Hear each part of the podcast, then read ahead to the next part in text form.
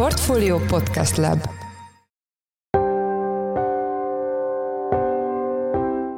Mindenkit üdvözlünk, ez a Portfolio Checklist április 24-én hétfőn. A mai műsor első részében azzal foglalkozunk, hogy vajon a már sokat taglalt tavaszi hadjárat része, hogy Ukrajna a hétvégén átkelt a Dnieper folyón. Emellett arról is beszélünk majd, hogy milyen tényezők befolyásolják most a legnagyobb mértékben az ukránok háborús erőfeszítéseit. Abszolút benne van, hogy ez már egyfajta előkészülete az egésznek. Tényleg arról lehet szó, hogy, hogy itt a, az orosz védelmi rendszereknek a képességeit pásztázzák az ukrán felderítők, és most a gyakorlatban is megvalósult egy olyan feladat, aminek az a célja, hogy, hogy megnézzék, hogy mennyire tudnak könnyen kivitelezni egy ilyen kisebb erőkkel lefolytatott folyami átkelést, és milyen védelmi rendszerek működnek a térségben, és simán lehet, hogy ez már a nagyobb ellentámadásnak az előkészítése. A témáról Huszák Dánielt, a portfólió globál rovatának vezető elemzőjét kérdezzük. Műsorunk második részében az orosz gazdaság 2022-es évéről lesz szó. A viszonylag kielégítő headline adatok mögött ugyanis bőven húzódnak aggasztó jelek. A témával kapcsolatban Zsoldos Ákos, lapunk makrogazdasági elemzője lesz a vendégünk. Én Forrás Dávid vagyok, a Portfolio Podcast Lab szerkesztője, ez pedig a checklist április 24-én.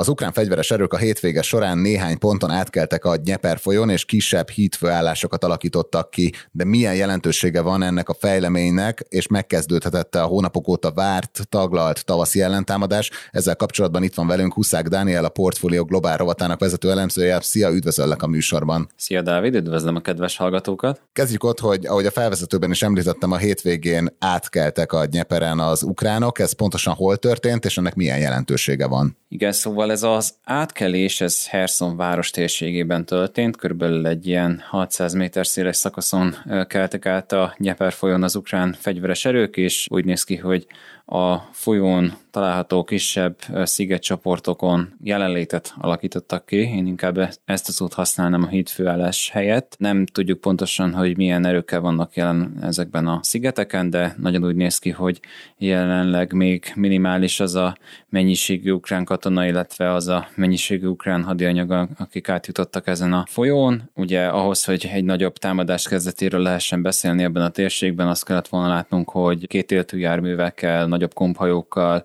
jelentősebb mennyiségű haditechnikai eszközzel kelnek át. Jelenleg az eddig nyilvánossá vált feltételek alapján igazából az történt, hogy néhány gyorsnaszád átkelt ezen a folyón, partra szálltak a, az ukrán katonák, talán felderítők, talán különleges alakulatok, és ott bevetették magukat az erdőbe, illetve azokba a kisebb településekbe, amelyek ott a, a part szakaszon találhatók, de jelenleg én még nem látom azt, hogy ez egy nagyobb offenzíva lenne, inkább arról lehet beszélni valószínűleg, hogy ezek ilyen pásztázó műveletek, amelyeknek azt hivatottak kideríteni, hogy az orosz haderő az milyen jelenléttel van a térségben, mennyire tudják őket hatékonyan befogni felderítő eszközökkel, tüzérségi eszközökkel, drónokkal, más olyan olyan fegyverekkel, amelyekkel adott esetben egy nagyobb támadást el lehetne hárítani, de én személy szerint a nagyobb támadást azt még nem látom ebben a térségben. Aztán elképzelhető, hogy, hogy nem tudom, napok, talán hetek kérdése. Jelenleg egyébként nagyon úgy néz ki, hogy az ukrán haderő az Oleski településnek a térségében van jelen. Azt kell erről tudni, hogy ez egy igencsak mocsaras ingoványos talaj, tehát hogyha itt terveznek partra szállni, ugye nem csak a Nyeperen való átkelés lesz necces, hanem az is, hogy nehéz terepviszonyokkal működő területen nem lesz könnyű egy, egy tényleges hitfállást kialakítani. És ez lehet-e a, akkor valamilyen szintű előkészítése annak a tavaszi ellentámadásnak, amiről már sokat beszéltünk, illetve hát a portfólión is sok elemzés cikket írtatok erről, szóval mit várhatunk egy ilyen hadművelettől? Abszolút benne van, hogy ez már egyfajta előkészülete az egésznek. Tényleg arról lehet szó, hogy, hogy itt a, az orosz védelmi rendszereknek a képességeit pásztázzák az ukrán felderítők, és most a gyakorlatban is megvalósult egy olyan feladat, aminek az a célja, hogy, hogy megnézzék, hogy mennyire tudnak könnyen kivitelezni egy ilyen kisebb erőkkel lefolytatott folyami átkelést, és milyen védelmi rendszerek működnek a térségben. Simán lehet, hogy ez már a nagyobb ellentámadásnak az előkészítése. Ugye sokszor emlegették az ukrán vezetők is azt az elmúlt napokban, hogy igazából az ellentámadás ez kvázi már megkezdődött. Úgyhogy ha visszagondolunk szeptemberben, hogy az őszi ellentámadásra sem úgy indult, hogy hirtelen megindult az összes ukrán katona egyszerre, és csak a szárazföldi csapatok nyomultak előre, hanem tényleg ezt a hosszas előkészítő műveletek előzték meg. Gondoljunk csak arra, hogy például az ukránok hetekig lőtték a, a Herson térségében látható orosz katonai bázisokat, logisztikai központokat lőszerraktárat, illetve magát a, az Antonovski hidat is a Herson mellett mielőtt megindították a szárazföldi támadást. Tehát úgy gondolom, hogy még ezek, a, ezek az akciók, ezek valószínűleg váratnak magukra még szintén adott esetben megelőzhetnek egy nagyobb szárazföldi támadást. Jelenleg talán még ennek az előkészítő szakaszában járunk. És hogyha már erről a potenciális ellentámadásról beszélünk, akkor annak mi lehet a, a reális célja? Hát gondolom nem az, hogy itt egy-két hónapon belül kiűzik a teljes orosz haderőt Ukrajnából. Hát ahogy nézegettem az ukrán vezetőknek a nyilatkozatait, nyilván a végcél az, hogy az összes orosz katona elhagyja Ukrajnát, beleértve ugye a Krím területét is, de azért eh, mondjuk azt, hogy akik óvatosabban fogalmaznak, azok nagyon úgy tűnik, hogy elsősorban azt helyezik prioritásba, hogy Zaporizsa, illetve Herszon megyét, illetve a Dombaszt eh, felszabadítsák az ukrán erők, még arról is szó volt, hogy lehet, hogy a tavaly február 24-e után megszerzett területekről tolnák csak ki az oroszokat, és akkor utána tárgyalnának a konfliktus esetleges rendezéséről, de nem többször olvastam azt, hogy, hogy arról van szó, hogy igazából az egész Dombaszt vissza akarják hódítani, és akkor a Krimről talán esetleg lehet valami tárgyalás, de nyilvánvalóan az, hogy ez, ez hogyan zajlik, nagyon sok szempontból attól függ, hogy milyen területet tudnak visszahódítani az ukránok az ellentámadás során, milyen hadisikereket érnek el, illetve adott esetben hogyan tud reagálni az orosz haderő erre az ellentámadásra. Teljesen nyílt célja az oroszoknak is az, hogy ezt az ellentámadást ezt megtörjék, és egy saját offenzívába tudják átfordítani. Ha ez sikerül, akkor nyilván máshogy tudnak tárgyalóasztalhoz ülni adott esetben az ukránok. Ugye ez azért fontos, most tényleg több nyugati elemzés, nyugati vezető is, is nyilatkozott arra, hogy azért az ukránok azok nagyon sokat beletesznek ebbe a támadásba, gyakorlatilag az elmúlt hónapokban a nyugatról kapott technikai eszközöknek a nagyon nagy részét, illetve most frissen képzett katonák katonáknak a sok tízezres létszámát beleteszik ebbe a támadásba, tehát tényleg az ukrán haderő képességeinek egy elég nagy részét. Úgyhogy nagyon sok múlik most azon, hogy ennek az offenzívának milyen sikere lesz, és nagyon sok mindenben ez valószínűleg befolyásolni fogja azt, hogy milyen feltételek mellett tudja Ukrajna rendezni ezt a konfliktust, lezárni ezt a háborút egy esetleges számukra kedvező vagy kevésbé kedvező megállapodásra. Kérdeznélek hamarosan a, azokra a nyugati fegyverekről, amiket az elmúlt hónapokban ígértek Ukrajnának, de előbb még arról beszéljünk, hogy nemrég elég nagy mennyiségű titkos amerikai amerikai dokumentumok, katonai jelentések szivárogtak ki. Ezek átírhatják-e a menetrendet? Milyen mértékben lehet ez probléma az ukránoknak? Igen, ez egy nagyon nagy probléma sok szempontból igazából azért is, mert ugye e, konkrétan ezekben a dokumentumokból kiderült, hogy e, egyes ukrán alakulatok milyen fegyverekkel lesznek e, felszerelve, melyek lehetnek a fő műveleti irányok, mikor indulhat meg a szárazföldi támadás. Jól emlékszem, április 30-a volt ebben a dokumentumban meghatározva. Konkrétan az ukrán csapat csapatoknak a feltöltöttségéről is voltak elég részletes információk eh, ezekben a dokumentumokban, illetve a nyugati eszközök beérkezésének az ütemezése is, is bennük volt. Tehát én azt gondolom, hogy ez abszolút teljes mértékben nagyon nagy probléma volt az amerikaiaknak és az ukránoknak egyaránt. Nyilvánvalóan ehhez mérten valószínű, hogy változtatniuk kellett a haditerveken. Gyakorlatilag egészen biztos vagyok, hogy április 30-án nem fog megindulni ez a legalábbis a szárazföldi része ennek az ukrán támadásnak már csak azért sem, mert még azt látjuk, hogy a, azok a nyugati technikai eszközök, amelyek szükségesek lennének ez a támadáshoz, még mindig érkeznek. Ugye a Leopard harckocsik egy része sem érkezett még meg, a Challenger 2-es brit harckocsik is megjönnek, a Bradley is, a német Marderek, tehát itt azért érkezgetnek folyamatosan az eszközök, de nyilván ezeket ugye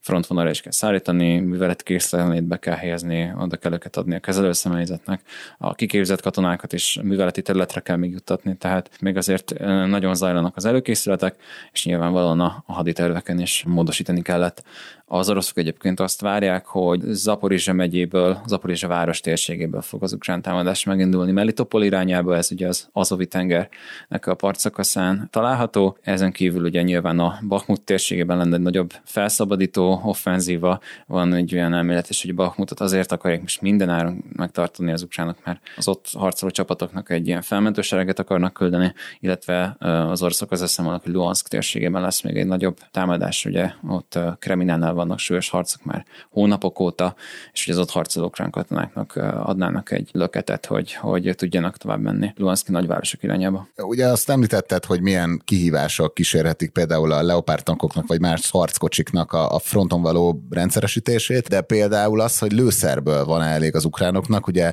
ezzel kapcsolatban eléggé ellentmondásos hírek érkeznek. Hát igazából ez egy régóta akut probléma, én úgy látom, főleg egyes lőszertípusoknál van gond, sokat szoktak emlegetni, emlegetni ugye a tüzérségi lőszereket, ami nagyon-nagyon fontos ebben a háborúban. Ugye azt lehet tudni, hogy Ukrajna nagyon régóta bajba van a szovjet típusú 152 mm-es, illetve 122 mm-es lőszereknek az utánpótlásával. Elvileg azért, mert Oroszország az egyebek mellett titkos szolgálati eszközökkel is gátolja azt, hogy Ukrajna ezekből a lőszertípusokból jelentősebb készleteket szerezzen, de egyébként a nyugati tüzérségi rendszereknek a 155 mm-es lőszereivel és most már hónapok óta problémák vannak, és az Egyesült Államok az próbál kiskapukat keresni annak érdekében, hogy különféle külföldi beszállító országok azok engedélyezzék a lőszerkészlet szállítását Ukrajnának.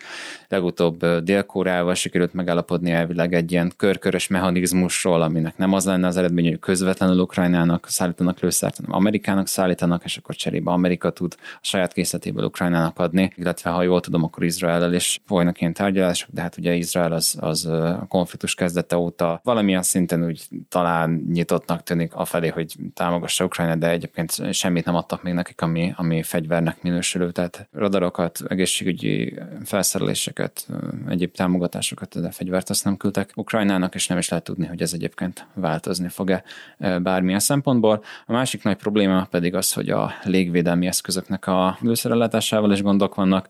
Ugye nyilván itt is elsősorban a, a régi BUK, illetve S-300-as légvédelmi rakétarendszereknek a lőszer utánpótlásával vannak gondok. Ugye azt is látni kell, hogy a nyugati típusú légvédelmi rendszereknek is akadozik a lőszerellátása, főleg ugye ezekből az ominózus titkosszolgálati dokumentumokból is kiderült, hogy ugye a NSEMS-nek a, az MRM rakétáinak az utánpótlásával, illetve az Iris rendszernek a rakéta utánpótlásával vannak gondok. Elsősorban az a probléma ezekkel, hogy ezek nagyon-nagyon drága rendszerek, nagyon szofisztikáltak, nagyon jók, időképesek, precízek, de rendkívül drágák, tehát egy darab Iris rakéta az 300-400 ezer dollár, egy darab MRM rakéta pedig egy millió dollár körül mozog, és tényleg ezek olyan összegek, ami, ami, aminek a nagy mennyiségű Ukrajna készleteinek való biztosítására tényleg komolyan el kell gondolkodniuk a nyugati döntéshozóknak. Akkor valószínűleg ezt a helyzetet is ilyen fenntartható szintre kell hozni, mielőtt megindulna egy ilyen nagyobb offenzíva. Igen, itt igazából az a, az a nagy kérdés, lesz elég türelmes az ukrán vezetés, mert uh,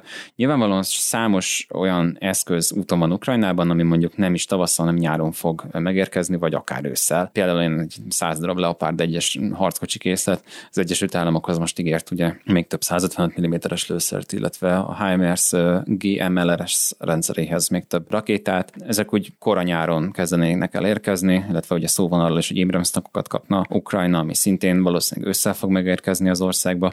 Tehát nyilvánvalóan, ha Kiev úgy dönt, hogy, hogy várakozik még az offenzíva megindításával, akkor elképzelhető, hogy nagyobb fegyverkészlettel fognak tudni belevágni ebbe a műveletbe, de ugyanakkor arra is gondolni kell, hogy a front szakaszon aktív harcok zajlanak, tehát ide is kell átcsoportosítani katonákat, lőszert és katonai járműveket is, amelyek szintén ugye a harcokban fogynak. Tehát ugye Ukrajna nem teheti meg azt, hogy csak hátradől, és akkor vár egy pár hónapot annak érdekében, hogy akkor majd biztosan több fegyverük lesz, hanem tényleg arról kell döntéseket hozniuk, hogy, hogy meddig tudják húzni, halasztani ezt az offenzívát, de nyilvánvalóan azért, hogy fogalmazzak, nehezíti kicsit a dolgot, hogy ők megígérték, hogy tavasszal lesz egy, egy nagy ellentámadás, és ez egy olyan ígéret, amit nyilván teljesíteni kell Ukrajna népe felé és a NATO szövetségesek felé is sikereket kell felmutatni annak érdekében, hogy Ukrajna támogatását fenntartsák. Nagyon szépen köszönöm az elemzésedet. Az elmúlt percekben Huszák Dániel a Portfolio Globál rovatának vezető elemzője volt a checklist vendége. Köszönjük szépen, hogy a rendelkezésünkre álltál. Én is köszönöm a figyelmet, kellemes napot kívánok! Túlzónak bizonyultak azok a prognózisok, melyek százalékban kifejezve az orosz gazdaság akár két számjegyű visszaesésével számoltak 2022-ben. A viszonylag kielégítő headline adatok mögött azonban bőven vannak aggasztó jelek. Ezzel kapcsolatban itt van velünk Zsoldos Ákos, a portfólió makroelemzője. Szia, üdvözöllek a műsorban. Szervusztok, szia Dávid. Kezdjük ott, hogy ugye tavaly 2,1%-kal csökkent az orosz gazdaság, az orosz GDP. Ez ugye elmarad a nyugati elemzők által várt visszaeséstől. Itt mik a főbb okok? Igen, valóban valóban 2,1%-os volt a visszaesés a hivatalos adatok szerint. Kezdjük így. Tavaly, mikor kitört a háború, a következő hónapokban 10% körüli visszaeséseket is lehetett látni az előrejelzésekben.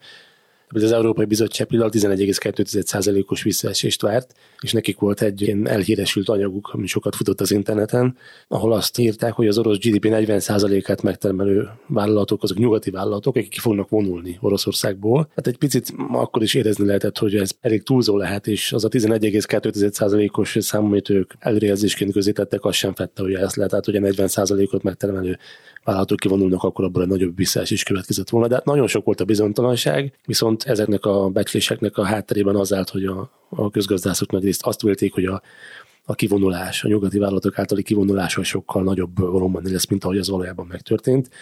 Egyébként azért nagy rész azért nem vonultak ki nyugati vállalatok, mert nagyon sokan azt mondták, hogy nem tudták eladni az oroszországi egységeiket, valaki pedig azt mondta, hogy nem szeretné, hogyha orosz kézre kerülnének ezek az egységek, mert akkor mondjuk a háború célokat tudnák támogatni, vagy a nyugati know-how és ami ott maradt tőke, a vállalatok tőkéje.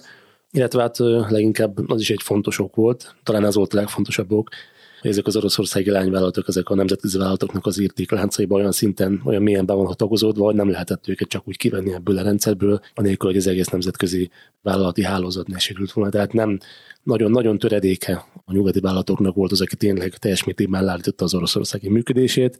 Ez volt az egyik fontos oka annak, hogy kisebb volt a GDP visszaesés, mint ahogy vártuk, de voltak mások is egyébként. És ezek még így címszavakban? Hát a háború maga az egy nagyon komoly GDP növekedést hozott. Már úgy értve, hogy felhúzta a GDP adatot, tehát ellensúlyozta a visszaesést, inkább így mondom, a fogyasztás az nagy mértékben zsugorodott.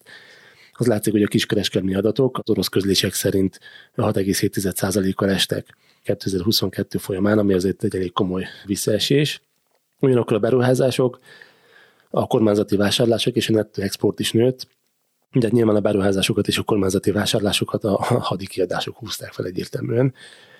És ugye statisztikailag ezek valóban mérséklik a GDP visszaesést, tehát értelemszerűen, hogy ha az oroszok elkezdenek tömegével tankokat, lőszereket gyártani, akkor az pozitívan befolyásolja a GDP, tehát ez a termelés valóban keletkezik hozzáadott érték statisztikai értelemben, de még azzal ellentétben, hogyha mondjuk az ipari kapacitás autókat termelt volna, szállítóeszközöket, gyártósorokhoz, robotokat, stb., az növelte volna a jövőbeli jólétet, a tankok azok, azok pedig pusztulnak el Ukrajnában tömegével, vagy a lőszerek.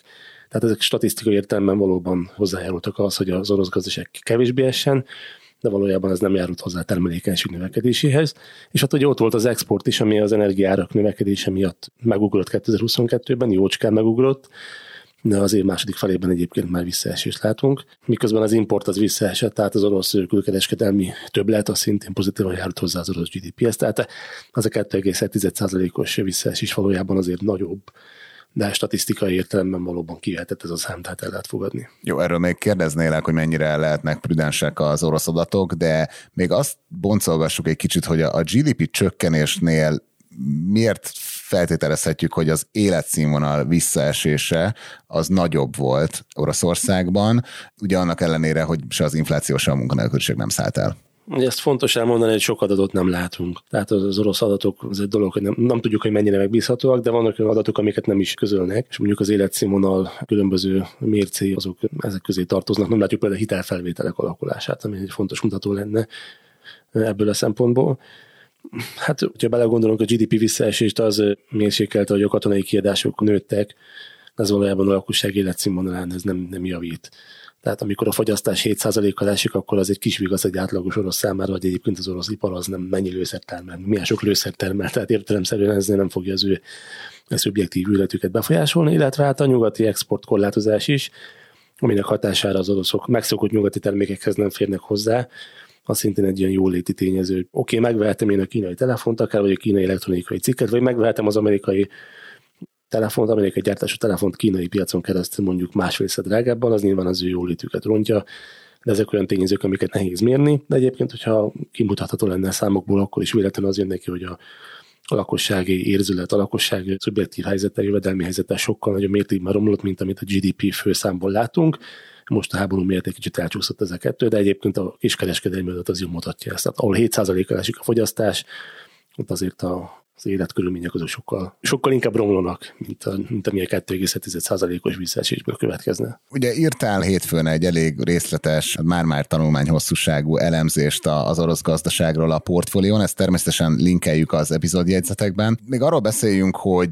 középtávon milyenek az orosz gazdaság kilátásai. Itt mondjuk egy szempontot hoznék be, hogy ugye tavaly úgy lett deficites az orosz büdzsé, hogy közben pedig az év jó részében nagyon magasan voltak az energiaárak, tehát azt feltételezhettük volna, hogy ez, ez jót tett az orosz költségvetésnek. Igen, most ez kicsit vicces, hogy az orosz gazdaság kilátásról beszélünk, miután megbeszéltük egyébként, mekkora tévedtek az előrejelzések.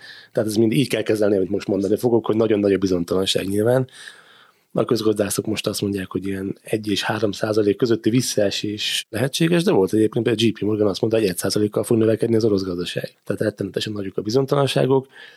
Olyan mély visszaesést már nem vár nem vár a szakma, mint tavaly vártak. Hát nyilván ennek egy része az már realizálódott tavaly, tehát innen már nem olyan könnyű esni, hogyha már egy, egy évben volt esés.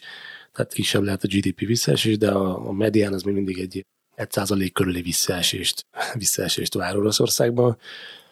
De hát még egyszer mondom, óriásiak a bizonytalanságok, nem tudjuk még, hogy hogyan alakul a háború, gyakorlatilag semmit nem tudunk. De mik azok a tényezők, amik különösen bizonytalanná teszik a, a, a gazdaság fenntartatóságát? Ugye a cikketben pont arról is írtál, hogy hiába olyan szépek a headline adatok, azért vannak olyan tényezők, amik aggodalomra adnak okot. Hát az oroszok a tavaly visszaesésnek egy nagy részét tudták semmisé tenni azzal, hogy az orosz költségvetés hiányát elengedték. Tehát az oroszoknak volt egy komoly az IMF becslése szerint a GDP 4%-áig terjedő gazdaságélénkítő programja, ami, ami miatt ugye az orosz költségvetési hiány az, az 2% fölé esett az egész évet tekintve, de az év második felében keletkezett igazából a romlás. És most már az év 2023 elején, az első három hónapban nagyjából elérték az egész éves hiánycélt.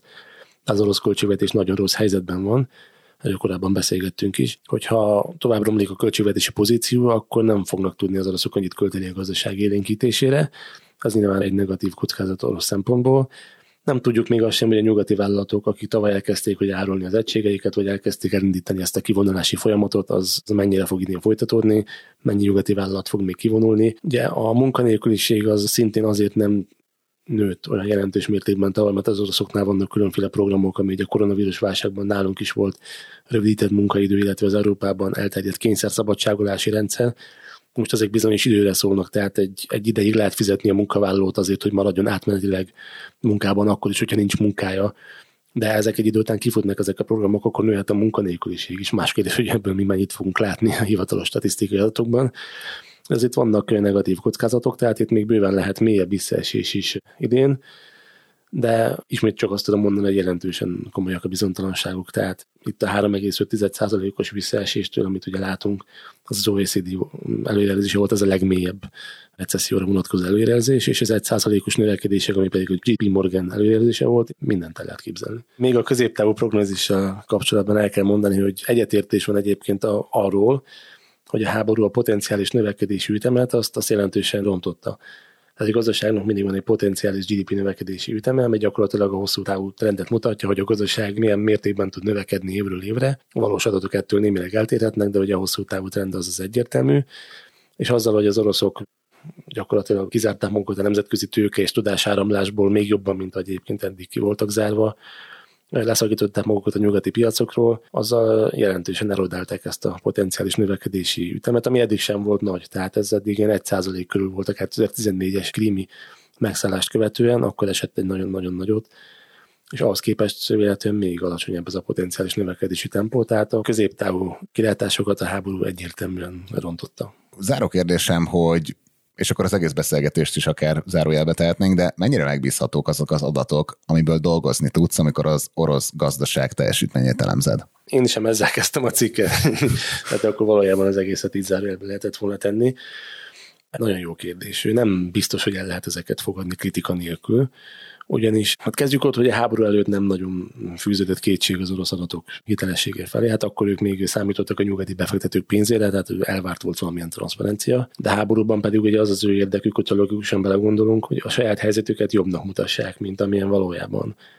És most már nagyon sok olyan elemzést olvastam, amik explicite megkérdőjelezik ezeknek az adatoknak a hitelességét, Az egész éves GDP növekedési adatot is úgy közölték, hogy még nem volt meg a negyedik negyedéves GDP adat. Az IMF kijött a 2,1%-os visszaesésre vonatkozó előrejelzésével, akkor az oroszok elhalasztották a közlést, majd később előjöttek a saját közlésükkel, ami 2,1%-os visszaesésre vonatkozott. Hogy akkor az jó lesz.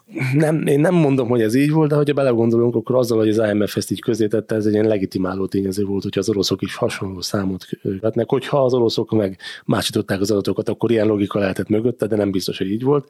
De én azt gondolom, hogy ha látjuk az orosz gazdaságból érkező anekdotikus beszámolókat, ha számokat nem is fogadjuk el, illetve látjuk azt, hogy milyen volumenben folytatják a költekezést, akkor, hogyha el is csaltak valamennyit a GDP visszaesésből, akkor ez pár százalékpontnyi lehetett és minden bizonyal azért az a 10-15 százalék körül visszaesés, amit láttunk tavaly a prognózisukban, az nem, az nem történt meg, az, az egészen biztos.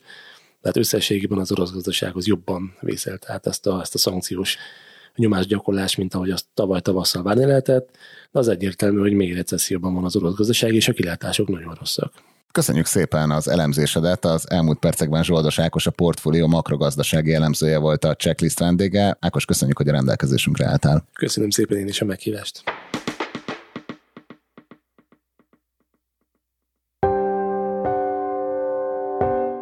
Ez volt már a Checklist, a Portfolio munkanapokon megjelenő podcastje. Ha tetszett az adás, iratkozz fel a podcast csatornánkra bárhol, ahol podcasteket hallgatsz a neten. A mai adás elkészítésében részt vett Bánhidi Bálint és gombkötő Emma, a szerkesztő pedig én, Forrás Dávid voltam. Új adással holnap, azaz kedden jelentkezünk, addig is minden jót kívánunk, sziasztok!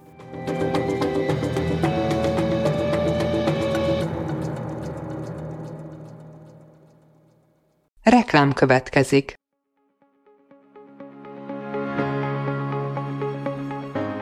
Raúl Müller Lajos vagyok, az Agrárszektor főszerkesztője. Májusban két tematikus konferenciát is rendezünk Kecskeméten az agrofood szektor szereplőinek. A május 22-én tartandó Portfolio Agrofood 2024 konferencia az élelmiszeripari vállalkozások, beszállítóik, a szolgáltató cégek és a kereskedők számára nyújt egyedi betekintést az aktuális trendekbe. A május 23-án megrendezendő Agrofuture konferencia pedig egyedülálló módon tematikus formában foglalja össze a hazai agrárgazdaság fenntarthatósági követelményeit és innovációs lehetőségeit. Jöjjön elő is, részletek és jegyek a portfolio.hu per rendezvények oldalon.